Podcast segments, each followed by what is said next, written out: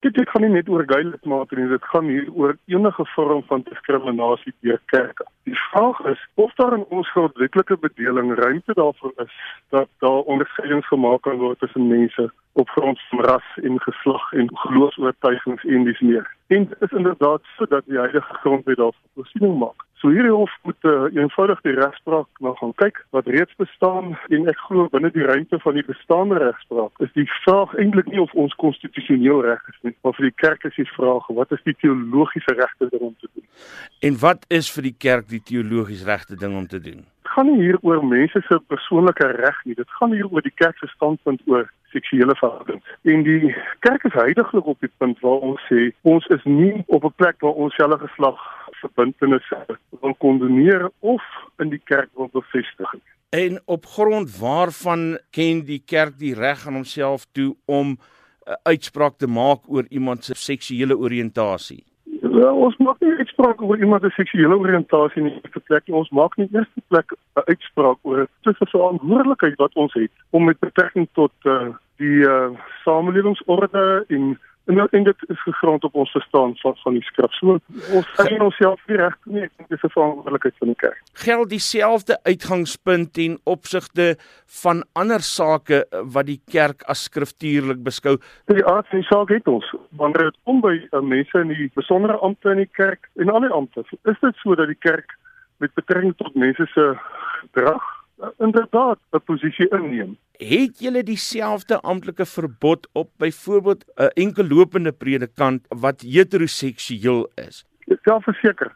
'n Predikant wat enkellopend is, 'n heteroseksuele dominee wat promiskuus of wat tree buite die normale etiese kode van die kerk, word inderdaad gedissiplineer. So die kerk het nie net met betrekking tot uh, gay mense standpunt nie, maar kom ons moet net fyn onderskeidings tref hier wanneer dit gaan oor wangedrag, wanorde. Dit is nie dieselfde as om te praat oor homoseksualiteit se nie. So die kerk se besluit op hierdie stadium gaan oor mense wat in uh, verhoudings is per se. Maar is daar nie so 'n bietjie van 'n uh, skreiende teenstrydigheid daarin om uh, te sê 'n gay predikant eh, mag in die amp wees solank hy nie in 'n verhouding is nie en dieselfde vereiste word nie aan 'n aan 'n heteroseksuele predikant gestel nie. Jy is heeltemal reg, Isak, dit is daar's 'n verskil tussen die die, die twee uh, posisies wat die kerk inneem en dit waaroor die hele saak gaan. Of die kerk inderdaad konstitusioneel die reg het om daai onderskeid te tref. En uh, sonder om 'n uitspraak van die hof uit te loop, wil ek sê dat ek uh, dit word tans gedoen. Ons vat 'n voorbeeld die Rooms-Katolieke Kerk um, ons sê vroue die reg om 'n uh, priester te word in die kerk. Dis 'n soortgelyke posisie wat 'n kerk inneem. In die moslimgemeenskap waar daar bepaalde maatreëls getref, dis 'n soortgelyke diskriminerende posisie wat ingeneem word op grond van bepaalde oortuiging. Die vraag is in die konstitusionele hof en dit was al daar by verskillende geleenthede is die vraag gevra aan die konstitusionele hof. En die konstitusionele hof het tot op hede het hy die reg van kerke om inderdaad vanuit geloofsoortuiging 'n bepaalde posisie in te neem aantas. Ten spyte daarvan dat daar 'n amptelike sinodale besluit is, is die kerk verdeel hieroor. Op watter manier kies die ja. leierskap van die kerk dan nou kant?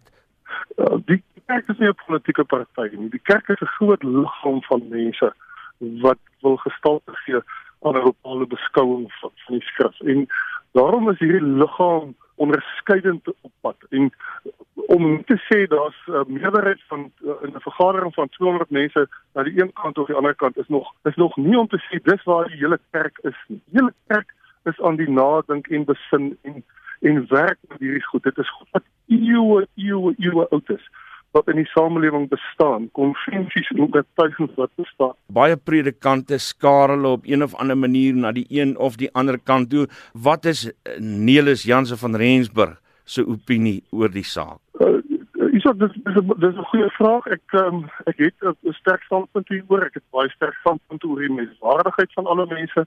Ek het baie sterk standpunt daaroor dat uh, mense se menswaardigheid op skerm behoort te word in alle koste behalwe in gevalle waar dit sodanig is dat 'n bepaalde botsende regter is wat uh, veroorsaak dat um, dat daar keuse gemaak moet word. As jy dan weet dis mense oor wie jy praat wat seer kry en wat swaar kry en wat emosioneel skade ly, Wat is so moeilik daaraan om te sê julle mag volledig deel word van ons gemeente?